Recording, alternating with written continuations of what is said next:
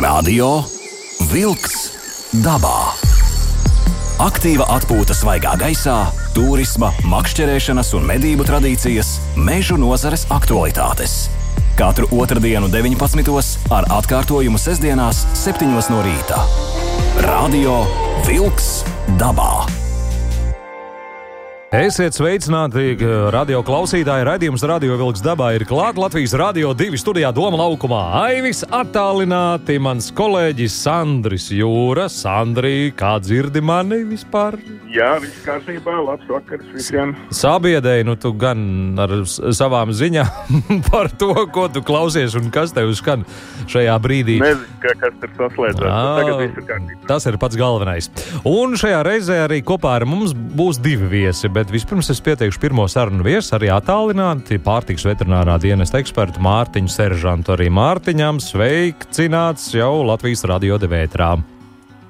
Labvakar, labvakar visiem! Brīnišķīgi! Jā, sveiks Mārtiņ! Uh, tātad mazu, mazu uh, ievadu pateikšu, par ko tad mēs šodien runāsim, un, un tās ir tās mednieku dotās veltes, uh, uh, nu, teiksim, faktiski visas pa lielam saistītas ar, ar gaļu, bet ir, ir, protams, daži jautājumi, kas ir jāzina apstrādājot tālāk gaļu. Ja? Un, un tur ir savas tādas lietas, kas, ko, ko vajadzētu zināt. Med, mednieki jau to zina, bet nākas, nākas medniekiem reizēm arī uh, tā teikt, iebraukt auzās un, uh, un arī mazliet uzrauties. Un ir tādas ļoti bīstamas uh, slimības, kā trihinolozes, gribētu teikt, nu, cūku mēris.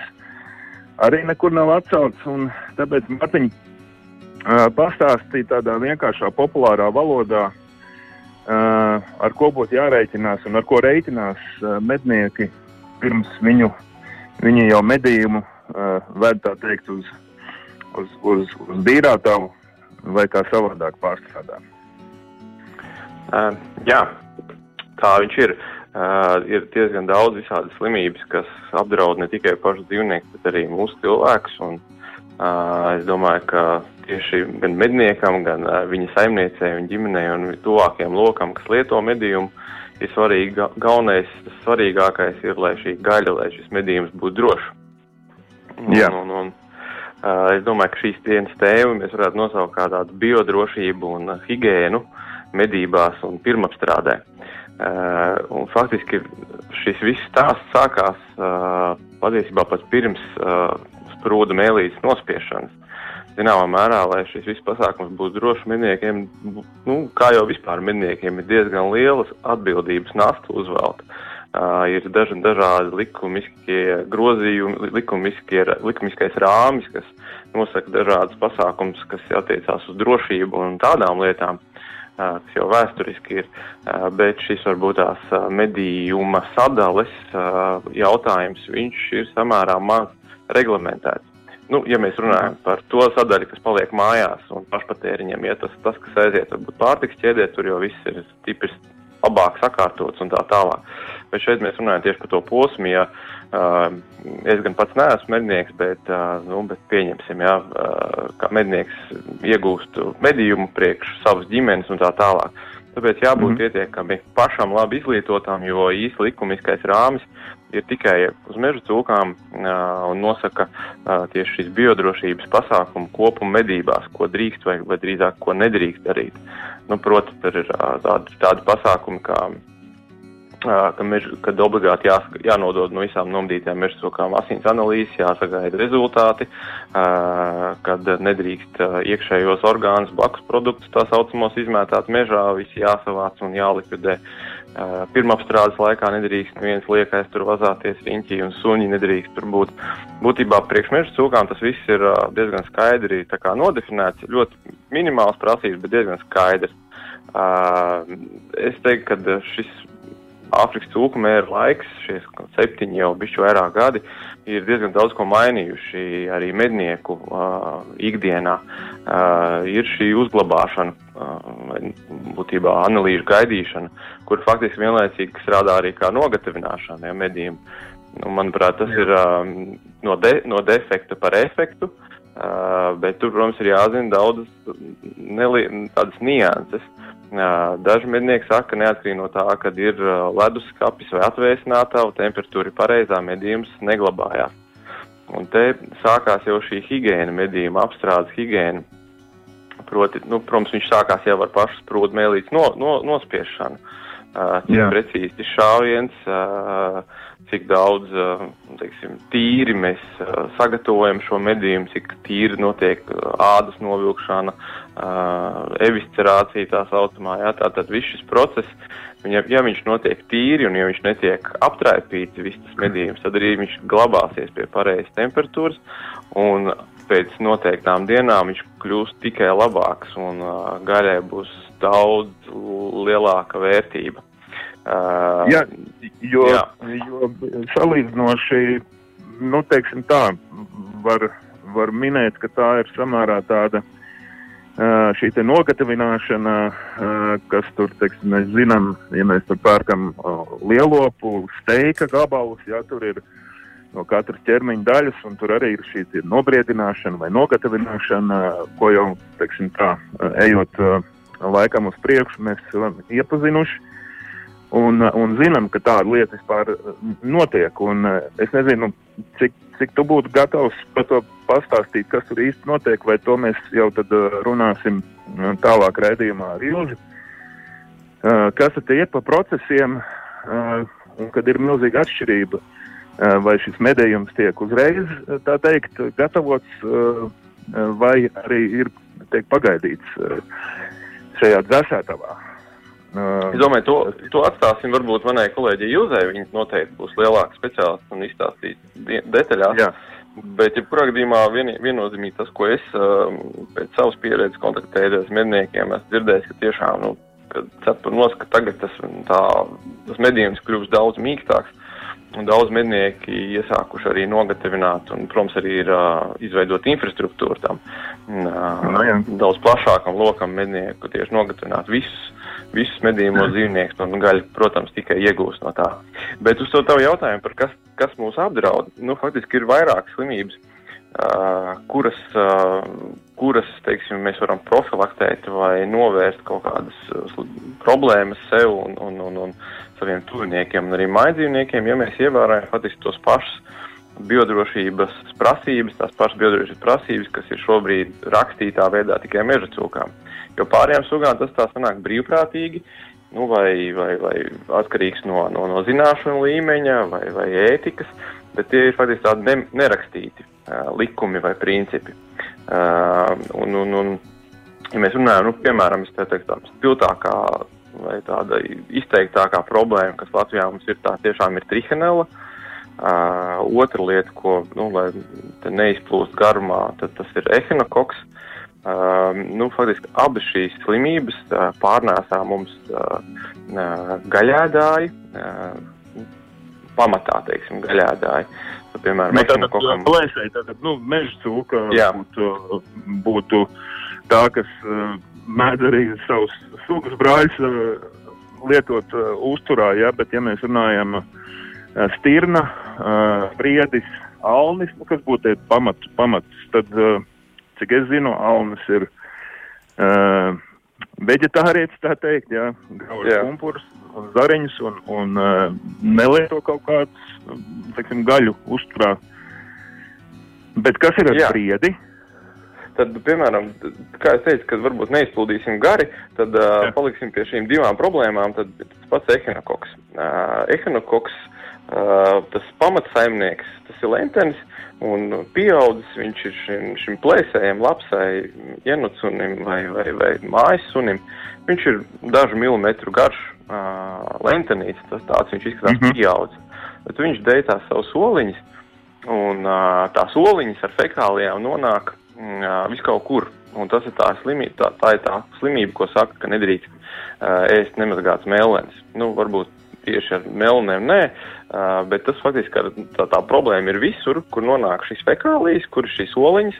Viņas ir ļoti mhm. izturīgas mm -hmm. apkārtējā vidē, un gan mēs varam ar šīm melnēm viņu uzlasīt, gan arī briedis vai stirnu vai cits veģetārietis.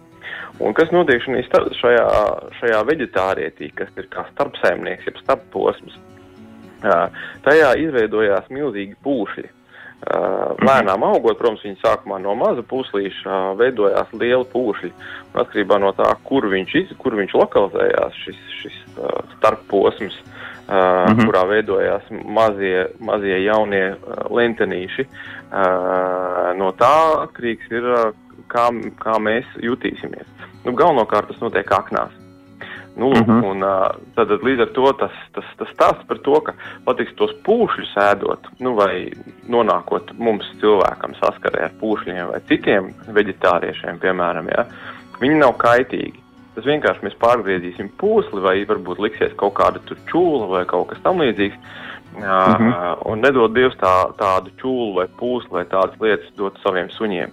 Jo suns ir tieši tas, viņš pat arī vienkārši pārgriežot šo šķidrumu, Uh, nonākot uz, nezinu, pirmapstrādes vietā uz grīdas vai uz zābakiem vai vienalga kur, vai, ne, kā es minēju, nedodies iedodot šo pūsli šim sunim, viņš inficēsies ar šo lenteni. Un viņā izveidosies šie dažu milimetrus garie uh, lentenīši vai īsie. Bet tā problēma ir tāda, ka šis suns, viņā veidos tie, tie, tie lenteņi, veidēs tās savas soliņas, un tās soliņas būs mums apkārt. Un, kā jau parasti medības suņi, un ne tikai medības suņi, dzīvo ar mums līdzās vienā ģimenē un bieži vien ēd no vienas šķīvja, kas varbūt nav pareizi un uh, guļ mums blakus. Un tādā brīdī šīs, šie mazie lentenīši, šīs mazās lenteņu oliņas, teiksim tā, nonāk ārpusē. Un mhm. tad jau mums, tad mēs esam ievad, ienesuši, kā saka, ienaidnieki savā mājā, un mēs paši varam inficēties šīm oliņām. Un tāpēc, tāpēc biodrošības, šī biodrošība kā tāda ir ļoti svarīga arī šī pirmapstrādē. Uh, un uh, tad, kad mēs arī veicam šo pirmapstrādi, ne tikai meža cūks, iekšējos orgānus un, un vispār, jo nevajadzētu mest vienkārši mežā, ko ik pa laikam mēs dzirdam, kad ik pa laikam kaut kur kāds sēņotājs uziet un prasa, kas tas kas tie pa līķu un kap, līķiem un mhm. kapiem, kas tur notiek un tā tālāk. Tā kā faktiski tādā veidā mēs šo pašu ehinakoku nododam tālāk apkārtējā vidē, jo noteikti arī tas, tas ir zināms un dzirdēts stāsts, ka uh, nākamajā dienā nekā vairs nebūs. Tur būs gan plēsēji, gan uh, lielāki, mazāki, gan putni. Uh, visu būs nolasījuši pa tīro. Bet tur ir tā problēma. Mēs šo, šo, šo problēmu atstājam dabā, un šis cikls mm -hmm. turpinās. Un šie plēsēji tieši tie, kas saslimst un tālāk atkal dēļ oliņas. Un mēs kā zemnieki. Bet, uh, bet viņš jā. termiski apstrādājot, viņš taču iet bojā, ne? Vai? Jā, protams. Bet tā problēma ir tāda, ka mēs jau, kad taisam to pirmapstrādi, tad mednieks nu, jau sev paņems viņu izgriezīs un uh, sliktākajā gadījumā iedos sunim, labākajā gadījumā uh, atstās mežā, lai apēd lapses. Uh, un, mm -hmm. un tādā veidā mēs šo ciklu nododam tālāk. Kaut kas ļoti līdzīgs ir ar trihanelozi. Tāpēc arī kašķēns vai, vai nekašķēns labs pēc nomedīšanas nevajadzētu nekādā gadījumā izmest kaut kur grāmatā, bet noteikti viņas likvidēt vai aprekt vai sadedzināt vai kaut kā tam līdzīga. Jo tādā mhm. pašā veidā arī nododās trihanelozi tālāk. Jā, un ne tikai, ne tikai cilvēki tiek vakcinēti, bet arī arī šie, šie meža, meža dzīvnieks arī vak, vakcinē, ko es. Jā, ko es, mēs, jā tā ir taisnība. Tā ir taisnība, jā. Mēs gan uh, nesen cirkulēja joks par šajā sakrā, ka mēs nevienam neesam prasījuši, uh, bet vakcinējam visu pēc kārtas, lai gan šajā gadījumā to varētu uzskatīt par brīvprātīgu uh, pasākumu, jo mēs izliekam ēsmas, šī vakcīna ir ēsmā, un tā lapsa vai ienucuns vai arī kāds cits dzīvnieks, kuram šī zivju kaulu miltu smarža liekas pievilcīga, tas izvēlās vakcinēties. Tie, kuriem -hmm. nē, tas tie nē. Tā kā tas tāds daļai brīvprātīgs princips ir. Bet pateicoties šim, šai vakcinācijai, mēs esam uh, brīvi no trakumsargas jau kopš -hmm. oficiāli kopš 2014. gada. Tā kā līdz tam bija nu, būtībā trakumsārga viena no vecākajām slimībām arī Latvijā, kura tika reģistrēta vairāk kā 120 gadus veca vēsture, mm -hmm. kad uh, tiešām nu, tas reģistrs, kad ir vec, vests un kad mēs varam izsekot gadījumus pa, pa, pa teritorijām, pa vietām un skaitiem.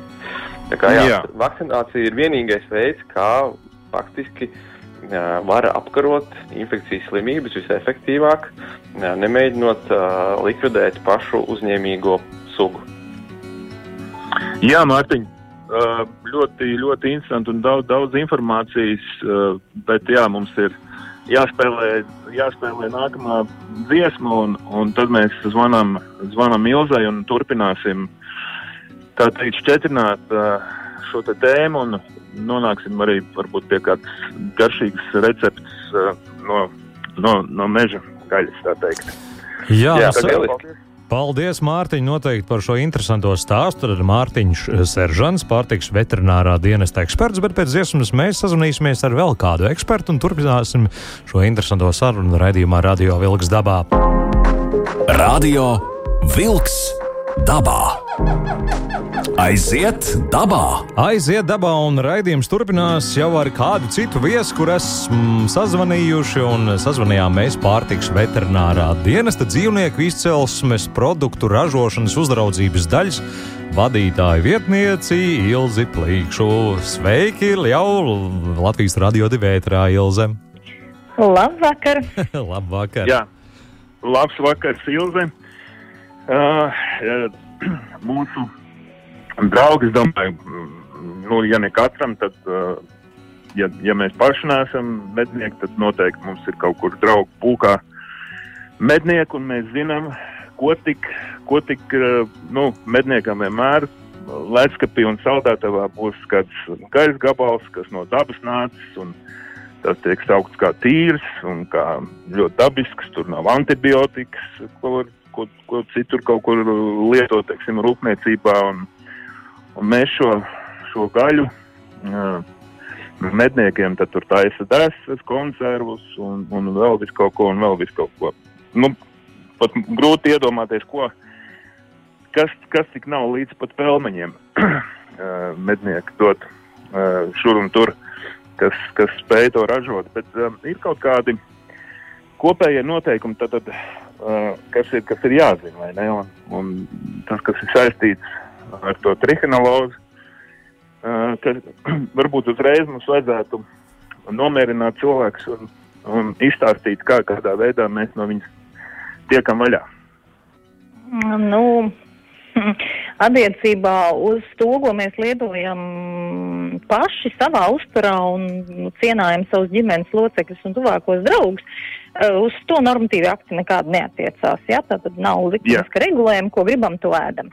Attiecībā uz, ja mēs iesaistamies pārtiks apritē, jā, tad mums uzreiz ir diezgan daudz normatīvu aktu, kas regulē mūsu darbību kā medniekiem. Un tur tad, jā, tur tad ir normatīvi akti, kas to visu nosaka. Attiecībā uz trihinelu, par ko jūs kā raidījuma sākumā, ja mazliet iesākāt runāt, man gribētos pie Mārtiņa te, te, tekstu pie, pie, piebilst vēl to, ka Latvijā ir medījamais dzīvnieks tāds kā bebrs, Un tas arī ir jāpārbauda trihinelozi, jo Latvijā mēs kā mm, nu, pārtiks un veterinārais dienas laboratorijā bio ir konstatēts bebram saslimšana trihinelozi. Tāpēc mēs mm, iesakam, ja jūs, eh, teiksim, paši nomedīt meža cūku vai bebru, tad aizvest uz laboratoriju un pārbaudīt mm, šo dzīvnieku trihinelozi. Protams, jūs saņemsiet atbildi, nav konstatēts, nu, tad tas vairāk vai mazāk droši mēs varam ēst. Normatīvos aktos ir noteikts vēl metodas, tā ir saldēšanas metode, kas mm. saka, kā saldējot uh, trihnelozi jūtīgo dzīvnieku gaļu, um, trihnela iet bojā. Tātad tur ir uh, algoritms diezgan vienkārši. 15 cm gabaliņš, 15, mīnus 15 grādos, ilgāk kā 15 diennakts ir jāglabā. Bet Eh, tas vairāk vai mazāk šie rādītāji attiecās uz trihinēlas prāvas, kas ir parasti izplatīta Latvijā, bet šobrīd mums ienāk arī dažādas eksotiskākas, mazliet eksotiskākas sugas, kā trihinēla britovi un, un cita veida, mm, citas sugu trihinēlas, kuras pie mīnus grādiem, diemžēl, bojā neaiziet. Tātad tomēr saldēšanas metode nav tā metode, kur mēs varam justies pilnīgi droši, un nē, šeit trihinelos vairs nebūs. Otra metode, ko mēs varam ievērot, un es domāju, ka lielākā daļa mednieku to zina, tā ir termiskā apstrāde. Un termiskā Jā. apstrāde ir tā, ka nu, jo mazāks gabaliņš, jo, jo īsāks, īsāks um, termiskās apstrādes laiks. Ir tie 72 grādi, jā, tā atradīsiet dažādas literatūras avots no, no pāris minūtēm līdz pāris stundām ir šie, šie grādi noteikti. Jā, paskatīsieties. Tā, bet tā, tā, tā patiesība tad ir, uh, kur tās divas minūtes vai divas stundas. Tā patiesība ir, ka šie 72 grādi ir jāsasniedz tanī vietā, kur ir dzīvā trihinēla. Tātad temperatūra ir jāaiziet cauri muskulim, jo mazāks gabaliņš, jo ātrāk šī temperatūra sasniedz trihinēlu pašu, bet jārēķinās vēl ar to, ka trihinēlu nesēž mm, gaļā tāpat vien, viņai riņķī ir tā kā olai čaumaliņa, tāda kalcija kapsuliņa, jā. Un šai temperatūrai ir jāaiziet arī cauri šo kapsuli, šai, šai, šai kapsuliņai. Protams, pie 72 grādiem de- denaturējās olbaltumvielas un nekas jau īsti vairs neizdzīvo. Bet būtisks ir šis, lai šī temperatūra sasniegtu šo trihinelu pašu, jo šī mm, kapsuliņa viņu tā kā pasargā arī no temperatūras. Tas ir gan pie saldēšanas, gan pie, pie termiskās apstrādes jāņem vērā. Protams, ilgstoši vārot, mēs šo temperatūru sasniedzam iekšā. Ja? Nu, es domāju, ka viens no drošākajiem veidiem ir sterilizēta gaļas konzerva, kur tad nu, ir šī temperatūra vairāk kā 120 grādu gaļas iekšēnē. Līdz ar to, līdz ar to nu, nu, kā, bet galvenais ir vajadzētu pārbaudīt laboratoriski un konstatēt, ka šī trihneloza nav šajā līmenī konstatēta. Jā, jo, uh, jo konservi, jā, tur tā temperatūra ir liela, bet laikam vislielākais jautājums ir par nu, kuras Mm. ir. Vai, Nu, vai, vai tur ir jā. viss kārtībā? Kā jau es teicu, ar tasām nevaram būt tik ļoti pārliecināti. Jā, tātad gabalam ir jābūt maziņam. Nu, protams, desas mums tiek sasmalcināts, nu, tā kurš meistars gatavo, ja tātad kādas receptūras mm -hmm. sasmalcināta, gaļa tiek sasmalcināta ļoti smalki, muskuļi tiek sarauti. Bet vai kūpināšanas procesā šie 72 grādi sasniedz iekšpusi šī, šai kapsuliņai, mēs nevaram apgalvot. Tātad tam laikam e, jābūt ir mazliet ilgākam nekā, teiksim, vienkāršā kūpināšanas procesā. Bet uh, briedis, alnis un uh, stirna, viņi ir bez trihinolozes. Jā, jā. Nu, kā jau Mārtiņš jums teica, tad trihineloze dzīvo tiem, kas, ir, kas ēd gaļu, jā, jo savādāk viņa neceļo, viņa neceļo kā ehinakoks ar zālīti, viņa vienkārši mēs apēdam gaļas gabaliņu, eh, kuņģa sulā mums atbrīvojās šie trihineloze kāpuri, jā, viņi tālāk zarnu traktā vairojās un tad jau ceļo uz darbīgāko muskultūru. Tāpēc arī laboratoriskiem paraugiem, ja mēs ņemam, tad mēs sūtām darbīgāko muskultūru, kas ir tad diafragmas muskultūru, um, priekškāju vai zemmēles muskultūru. Tās tie muskuļi, kur ir visvairāk noslogotie, tur tad ir vislielākā iespēja izmantot, nu, atrast šo trihinelozi, trihinelu kāpurus šos. E, protams, laboratorija arī izmanto sagramošanas metodi, kas ir efektīva un diezgan, diezgan jūtīga metode, un ja šie kāpuri ir, tad nu, 99,9% viņus var atrast. Meža ziņas. Zemgalē pagājušajā nedēļā notikušas piecas automašīnu sadursmes ar meža dzīvniekiem. Jēkabils novada Aknīstas pagastā tika reģistrēti divi ceļu satiksmes negadījumi, kuros autovadītāji uzbrauca pēkšņi uz ceļa braucamās daļas uzskrējušām stirnām. Pa vienam ceļu satiksmes negadījumam reģistrēts Tukuma novada Kandavas pagastā, Bauskas novada Vecumnieku pagastā un Aizkrauklas novada Klintainas pagastā. Visi negadījumi notika diennakts tumšajā laikā. Policijā uzsver, ka negadījumos cilvēki nav cietuši, taču ir bojātas automašīnas. Lai izvairītos no iespējama ceļu satiksmes negadījuma, likumsargi aicina būt īpaši vērīgiem un piesardzīgiem, izvēloties drošu braukšanas ātrumu, kā arī ievērot ceļa zīmes, kas norāda par iespējamu meža dzīvnieku klātbūtni. Oktobrī lašveidīgo zivju nārsta laikā valsts vidas dienests, veicot 151 pārbaudi, atklājis astoņus administratīvus pārkāpumus, no kuriem pieci bija makšķerēšanas noteikumu pārkāpumi un trīs rūpnieciskās zvejas noteikumu pārkāpumi. Pārbaužu rezultātā, sadarbojoties ar valsts policijas, pašvaldības policijas, dabas aizsardzības pārvaldes un valsts robežsardzes amatpersonām un sabiedriskiem vidas inspektoriem, tika atrasts un izcelts nelikumīgi izmantots 61 zivju tīkls, divi zivju mūrdi, divi vēža mūrdi un 41 nēģu ķermais rīks.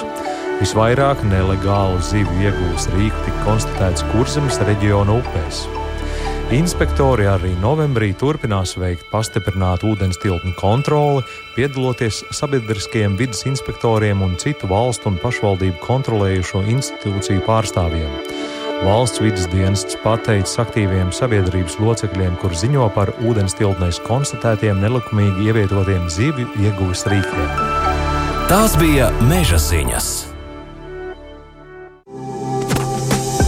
Radio Wolks dabā. Aivs Latvijas radio divi šeit studijā Doma laukumā. Sandrs Jūra attālināti un attālināti arī šajā raidījumā kopā ar mums pārtiks veterinārā dienesta dzīvnieku izcelsmes produktu ražošanas uzraudzības daļas vadītāja vietniece Ilza Plīkša. Ilza, man ir jautājums dziesmas laikā. Klausītāji mm, vēlējās uzzināt, kā tad bebrs tiek pie šīm te trihinellām, ja reiz, nu, tā kā gaļēdāji mēs viņu bebru nevarētu pieskaitīt.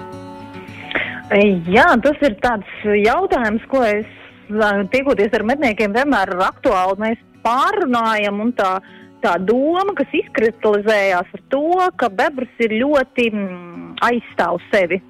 Un ir gadījumi, kad viņš var cīnīties, piemēram, ar lapsu vai ar kādu citu dzīvnieku, kurš ir šo trihinēlu nēsātājs un nejauši nejauši invadēties ar šo trihinēlu. Viņš speciāli apēda gaļu, bet viņš nejauši invadējās. Bet nu, tādas situācijas, un, un kā bebrā ir konstatēta trihinēlos, diemžēl Latvijā ir.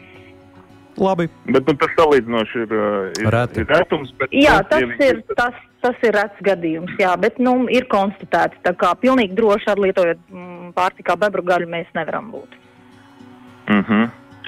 Bet tad uh, viss, uh, vis, visdrošākais būtu alnis vai sirna. Nu, nu, visdrošākais ir tas, par ko mēs esam vairāk vai mazāk pārliecināti. Jā, kā jau Mārtiņš jums stāstīja, ehinokokoze ir viena no tām slimībām, kuras mēs no zālēdājiem atkal varam dabūt. Jā, un, Un, diemžēl šī slimība nepakļaujās ārstēšanai, tāpat kā trihineloze nepakļaujas ārstēšanai. Cilvēkiem ir tikai simptomātiska ārstēšana un bieži vien var beigties arī uh, letāli. Tā kā jābūt ļoti uzmanīgiem, tīpaši ar šiem pūšļiem ir jābūt uzmanīgiem. Septembra beigās mēs stirnām konstatējām ļoti daudz dažādu izmēru pūšļus. Un kā jau arī Mārtiņš minēja, tad pirmais ir ejam uz meža ar attārpotiem suņiem, un otrs ir, tad, nu, skatāmies ļoti rūpīgi un šos subproduktus, kur ir pūšļi virsū lielāki vai mazāki, neizbarojam dzīvniekiem. Un trešais variants, no, no ko es no, no jums iesaku, tad nemēģiniet pārgriezt šos pūšļus un pataustīt, kas tur iekšā vai paskatīties. Mm. Jo pārgriežot ehinokoku pūsli, var mm, sataustīt šos, šos ehinokoku, šīs, mm, nu, šos mazos ehinokokus. Viņi ir tā kā smalkas smiltis cauri un ar jūtīgiem pirkstiem viņas var sajust, bet, diemžēl, tajā brīdī, kad mēs esam pārgriezuši, mēs jau esam notrēpījuši visu apģērbu, rokas nažus, instrumentus, jā, iespējams gaļu, tāpēc ļoti, ļoti uzmanīgi ar šiem no nu, alņu briežu stirnus ar šiem pūšļiem ļoti uzmanīgi vajag. Mm -hmm. Un, protams, nu, jā, ir jā. Principā, mm -hmm. uh, mednieki jau šo visu lietu zina, un tad, kad nu, notiek šī pirmapstrāde, tad Tad jā, bet jau vizuāli var pamanīt, vai tomēr.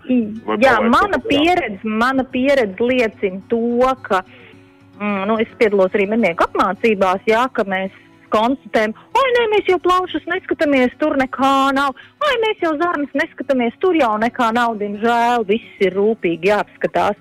Un kad eh, nu, mēs teiksim, mācām medniekus gan kā apmācītās personas, gan pieaicinot mūsu teiksim, eh, par medījumu gaļas higiēnu, tad viens no nu, teiksim, divi tādi posmi, ko mēs gribam, ir jāapskata tikko nomedīts dzīvnieku ķermenis, visas ķermeņa atveres, visas izmaiņas, kas varētu būt nosakāmas no ārpuses. Un otrs variants, tad, kad mēs jau veicam eviscerāciju, iekšējo orgānu izņemšanu, tad arī šie iekšējie orgāni ir ļoti, ļoti rūpīgi jāizpēta, jāpaskatās, kas tur ir, kas tur varētu būt un kādas, nu, izpētīt, kas, vai tā gaļa tiešām ir ļoti laba, vai tomēr ir jāpadomā un jāpaprasa padoms veterinārārstiem.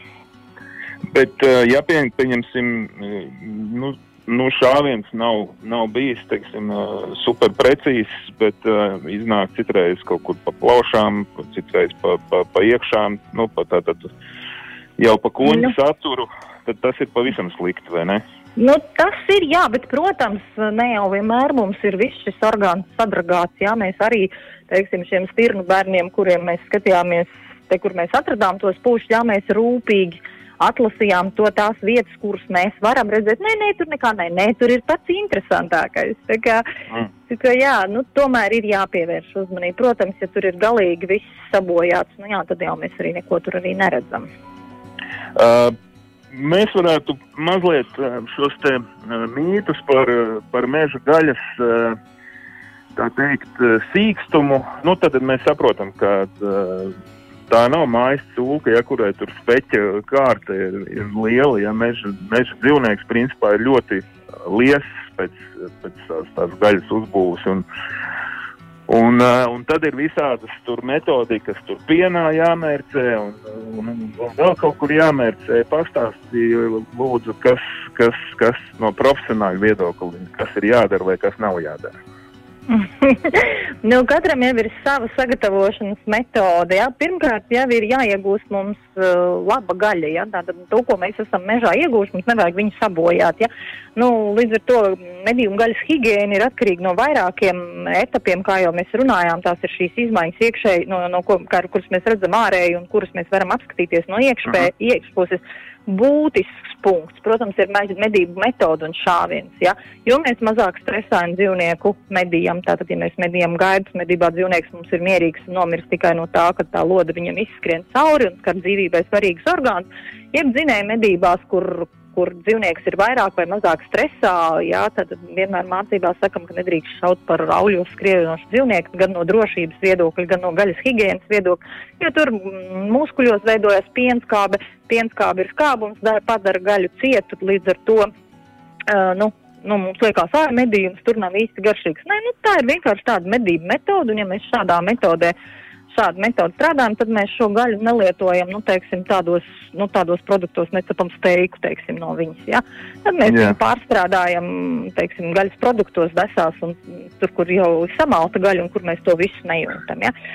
Nu, tad, jā, tad būtiskā lieta ir šī iekšējā orgāna izņemšana, jo tīrāk un kārtīgāk ar tīrākām rokām un tīrākiem instrumentiem mēs šo gaļu izņemsim, šos iekšējos orgānus izņemsim, jo precīzāks mums ir šāviens, kas neskar, piemēram, iekšējos orgānus, kas ir zarnu trakts, kuņas un zarnu trakts, līdz ar to jau mums arī iegūstās labākas kvalitātes gaļa. Nu, un, un, un tad trešais, tas galējais posms, tāds ir dzīvnieka atdzesēšana, uzglabāšana, tas posms, kur atdzesēšana.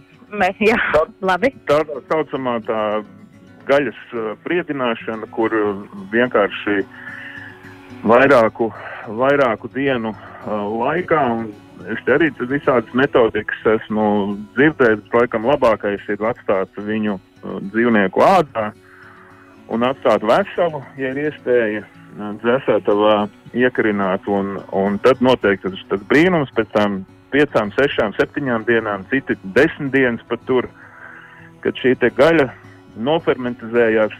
Varbūt var īsti tā vienkārši, lai saprotam, kas tur īsti notiek uh, tajā gaļā, kas ir process. Uh, jā, tātad uh, pirms kāda laika, kad bija līdz 4. gadam spēkā direktīva, kas attiecās uz gaļas apstra, aptriti pārtikā, tad bija teikts, ka medījumu gaļu rādu augstumā, tātad var uzglabāt līdz pat 14 dienām, tikai tad ņemt no stādu. Ja medījumiem dzīvniekiem šī gaļas nogatavināšanās ir atļauta rādu, nedrīkst viņu, protams, sasaldēt.